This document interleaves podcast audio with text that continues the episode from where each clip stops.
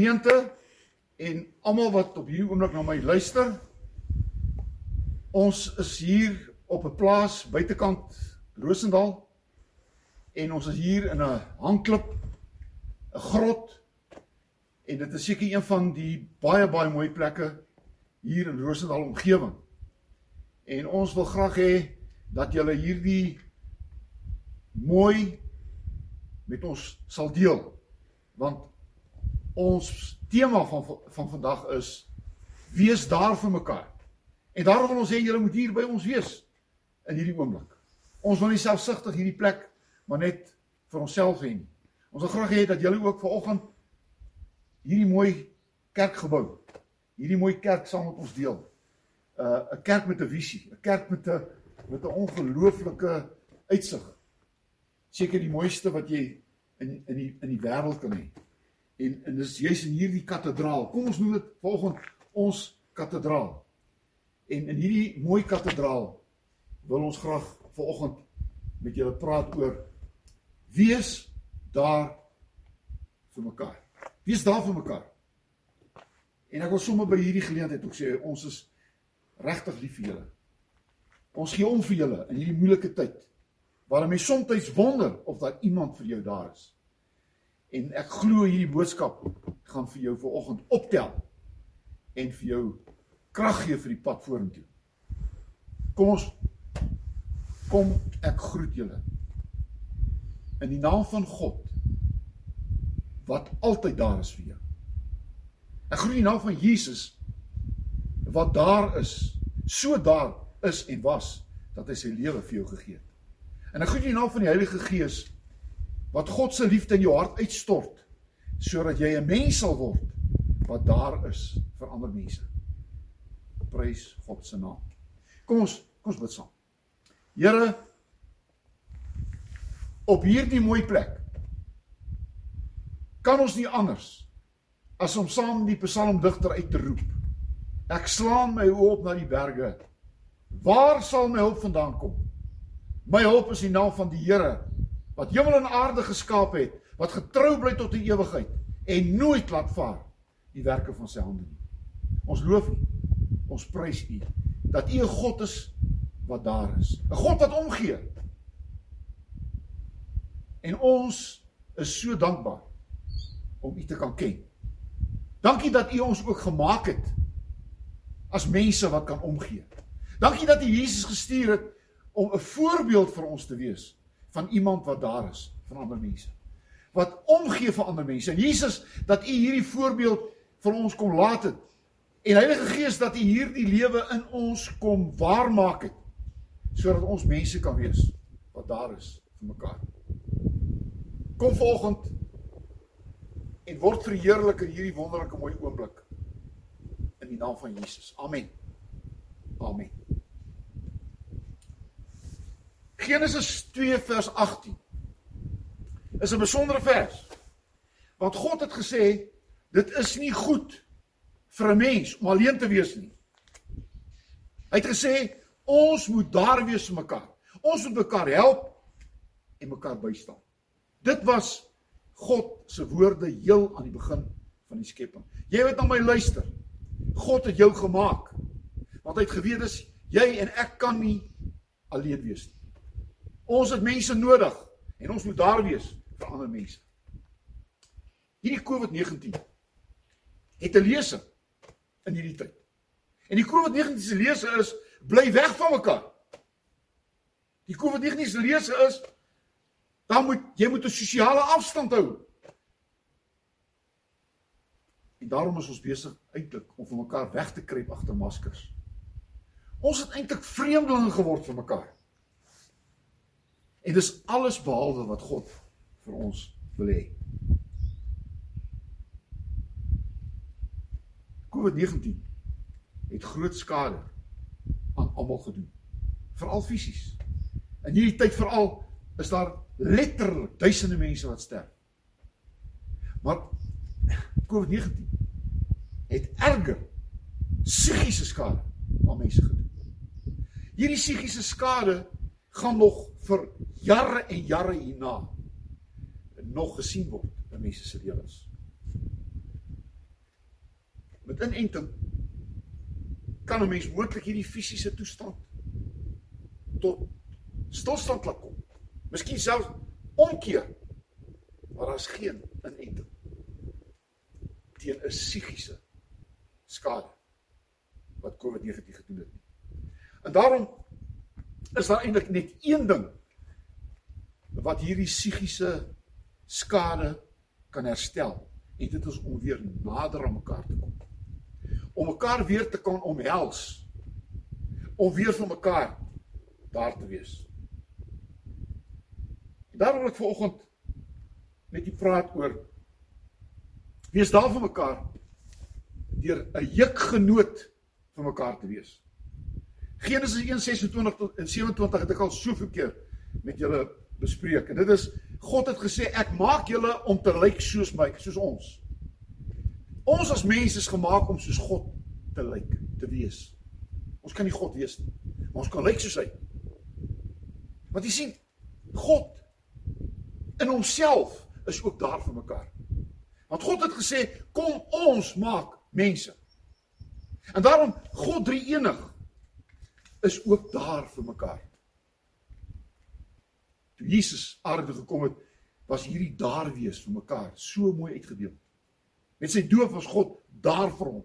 Hy sê dis my seun wie ek welbaat. Dis my seun wat my bly maak. Dwarsteer Jesus se lewe was God daar vir hom. In Getsemane het hy uitgeroep, God wees daar vir my. Aan die kruis het hy uitgeroep, God, hoekom is U nou, hoekom is U nie nou daar nie? Hoekom het U my verlaat? Jesus het die Heilige Gees gestuur. En hy gesê, ek sal daar by julle wees tot aan die volëinding van die wêreld. Hoorie? God wil daar wees. Hy wil hê ons moet 'n jukgenoot van hom wees. En so moet ons jukgenoot wees vir mekaar. Romeine 12 vers 16 staan daar julle moet eengesind wees. Daar staan eintlik julle moet naby mekaar lewe. Julle moet verhoed dat julle uitmekaar uitgedryf word. Daarom sê moenie eie wys wees nie. Moenie hardkoppig wees nie, want al hierdie goed dryf mense uitmekaar uit. Dis hoekom mense nie daar is mekaar nie, want hulle is hardkoppig. Hulle sê ek sal self dit doen en ek sal self oorwin. Hoogmoed dryf mense uitmekaar uit. Dit verhoed dat ons daar kan wees met mekaar, dat ons kan jukgenote van mekaar wees. En daarom sê Paulus in Romeine 12, ons moet nederig wees. Want as jy nederigheid trek mense nader aan my. Hoogmoed stoot mense weg. Nederige mense is altyd daar vir ander mense. Hoogmoedige mense is nie daar nie. Ander mense moet daar vir hulle wees. En ek dink jy weet waarvan ek praat. Miskien jy het om my luister, moet vir jouself afvra. Trek jy of stoot jy weg? As jy mense afstoot, wegstoot, gaan daai mense later nie vir jou daar wees nie. Wanneer jy hulle nodig het, is hulle daar nie. Maar wanneer jy nederig is, wanneer jy 'n mens tussen mense is, sal jy nooit op 'n plek kom waar mense nie vir jou omgee en daar vir jou is nie. En daarom sê Paulus, ons moet vriende wees, nie vyande nie. Want jy sien, vyandskap laat jou nie daar wees iemand nie. Mense is bang vir jou. Mense gee pad vir jou. Vriendskappe in hierdie tyd is so nodig. Want dan weet jy as iemand daar vir my. As ek as ek as ek in 'n probleem kom, sal daai persoon daar vir my wees. En daarom moet ons vrede soek. 1 Petrus 3 vers 8 praat van naaste liefde. Jy weet jy, naaste liefde beteken om sensitief vir mekaar te wees. Jou antenna is altyd uit om die ander een se sein op te tel. Wanneer jy 'n sein van hartseer optel, dan weet jy ek moet daar wees. Ek is nou benodig. Ek moet uitgaan en ek moet daar wees. Jou antenne moet uit wees wanneer jy blydskap optel om te weet dat daar mense is wat jou kan bly maak. Hierdie liefde waarvan Paulus praat, het hy in Korintiërs 13 mooi beskryf en gesê, hierdie liefde hou die boek van die kwaad nie. Het jy geweet dat as jy 'n jukgenoot wil wees, en 'n jukgenoot beteken julle wat op die plaas gebly het in die ou dae, het hulle die osse saam ingespan. En die twee osse was jukgenote. En hulle hulle het geweet watter twee osse hulle langs mekaar moet inspan. Want jy kan nie sommer twee enige osse langs mekaar nie. Jy moet die osse wat saam in dieselfde rigting beweeg. Wanneer jy in hierdie kant toe beweeg en daai kant toe beweeg, gaan gaan hulle nêrens heen. En daarom moet 'n mens ook in jou lewe moet jy 'n jukgenoot hê. Iemand wat saam met jou trek. Iemand wat nie teen jou trek nie, wat saam met jou trek, saam op pad na 'n na 'n toekoms. Juk-genote, juk-genote daar van mekaar. My tweede plek, ons moet vennote van mekaar wees. Dwars in die Bybel het God mense vennote van mekaar gemaak. En en 'n vennootskap is in die Bybel 'n belangrike ding. Daarom is daar is daarom daarom is daar 'n 'n 'n 'n verbonde gesluit met mekaar. 'n Verbond is eintlik niks anders. Iemand word eintlik my vennoot.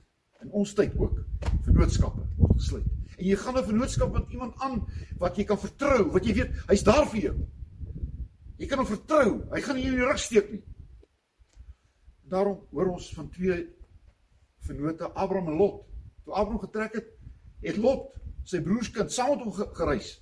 En hulle was saam met mekaar vennote totdat eiens eiendom eiendom geld tussen hulle twee gekom het. En toe sê Lot en Abraham, ons het nou te veel. Jy het te veel ek het te veel. Ons kan nie meer met mekaar wees nie. Ons sal uit mekaar moet gaan. Jy sien, wat ek niks teen eiendom. Ek niks teen rykdom nie.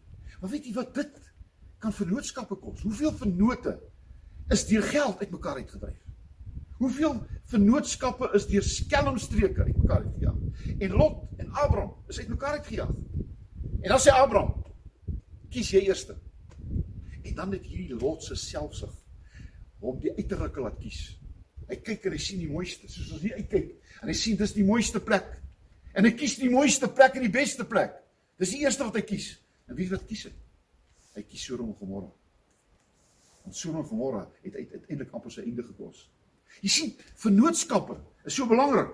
Abraham het gekies wat God gesê het. Want jy sien, Abraham was 'n vennoot van God. En hy sê God het beloof, daai beloofde land is myne. En ek gaan God vertrou. Jy moet na my luister. As jy 'n vennoot op die oomblik met iemand, kan iemand jou vertrou. Kan iemand weet jy gaan nie iemand in die rug steek nie. Abraham en Lot was vennote. Jakob en Esau is 'n tweeling. En weet jy wat gebeur? Jakob word bedreig. Jakob bedrieg sy eie broer, hy bedrieg sy pa. Jy sien, hy kan nie hy kan nooit 'n vennootskap gehad het nie. Want want myne is myne en joune is ook myne. Jy ken dit. Myne is myne, joune is ook myne. Met so vernoot kan jy nêrens gaan. En daarom het Jakob 'n eensame man geword. Bedreig tot hy uiteindelik by God uitgekom het. Tot hy God sy vernoot gemaak het by Jabok en God gesê het vir hom: "Jou naam is nou Israel." Want jy's nie meer 'n bedrieger nie. Jy's nou 'n vader van baie. Ek kan jou vertrou met baie. Want jy weet, jy luister na my. God sê as ek jou nie met klein geld kan vertrou nie, hoe kan ek jou met groot geld vertrou? Vennootskap. Jakob en Esau. Moses en Aaron, daai Exodus. Moses word die leier. Moses sê ek kan nie praat nie. En God sê ek gaan vir jou vernoot gee. Sy naam is Aaron. En Aaron word wat? Moses se mondstuk. Hy praat want maar hy kan nie praat nie.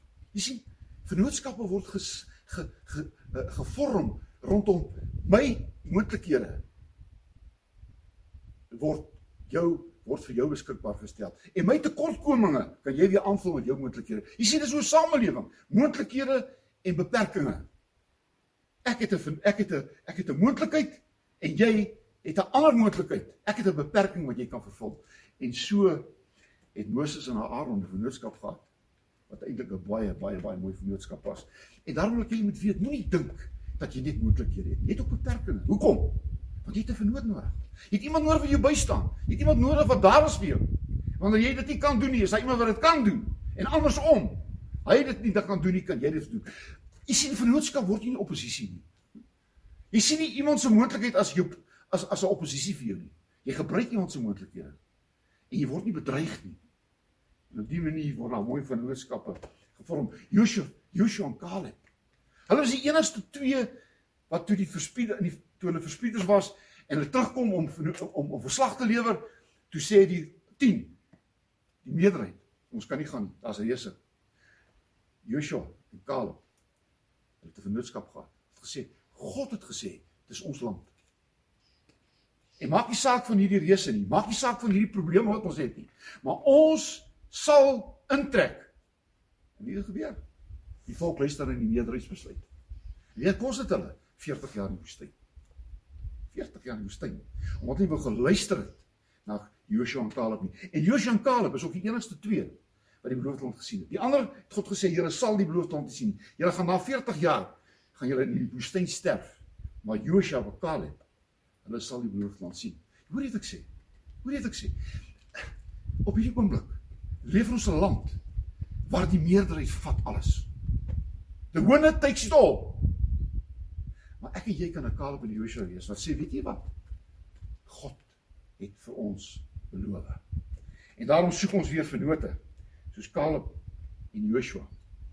En uiteindelik is hulle die mense wat uiteindelik die beloofde land gesien het. Dis eintlik hierdie twee mense, soort mense wat uiteindelik die droom gaan deel. En die ander mense gaan 'n nagmerrie sterf. 40 jaar in die woestyn. Och, daar's twee vennote in die Bybel wat so mooi is. Dawid en Jonathan. Hulle vriendskap. Onthou jy? Daar staan op 'n plek Jonathan het jo Jonathan het Dawid liewer ge gekry as homself. Hulle liefde was groter as wat mense geken het. Tot vandag toe word daar gepraat van hulle se Dawid en Jonathan. Wat liefde hulle gebind.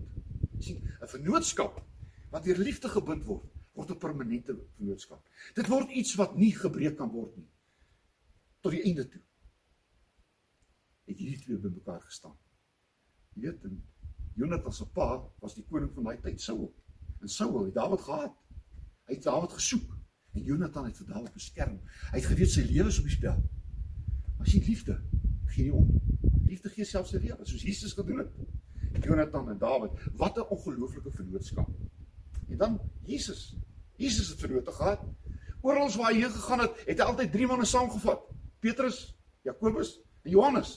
Die drie was altyd saam met hom. Daai berg van verheerliking. Hulle drie was saam met hom gewees. Weet dit? Getsemane, sê donkerste oomblik. Joos vat hy weer vir vir Petrus, Johannes en Jakobus aan.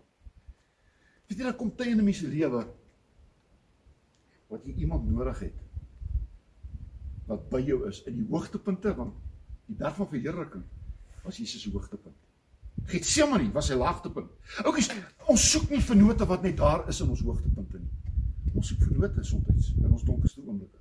En daar's baie mense wat vennote wil wees op jou kruin van jou lewe. Maar hulle is nie daar in jou donkerste oomblik nie. Hierdie drie was saam met Jesus in sy donkerste oomblik. En natuurlik Petrus. Wie die man met die getuienis, U is die Christus, van lewende God. Matteus 16 vers 16. Wat word Petrus? Hy word die rotsman in Jesus se lewe. Hy sê op jou getuienis, Petrus, gaan ek my kerk bou. Wat 'n vernoot. Wat 'n vernoot. Wat jy kan sê ek gaan my besigheid op jou bou. Ek gaan my toekoms op die spel plaas vir jou. Dit is wat Petrus was. En Petrus is die man wat na Pinksterdag die leier in die kerk word. Handelinge 4 vers 20 staan hy. Hy sê julle kan julle kan maak wat julle wil, maar ek sal getuig oor wat Jesus my beteken het. Wat 'n vennootskap. Paulus en Timoteus. Paulus het nooit getrou nie, maar hy noem Timoteus my gee. Hy noem hy hy's my geestelike kind. O, oh, daar was so 'n verhouding tussen Paulus en Timoteus. 'n Ou man en 'n jong man, 'n vennootskap.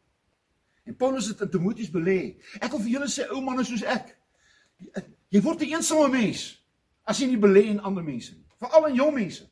Dis nou die tyd. Dis hoekom ons pensioen gaan. Want jy het soveel kennis. Jy het soveel moontlikhede wat jy kan gaan belê in Timoteus. Paulus doen dit.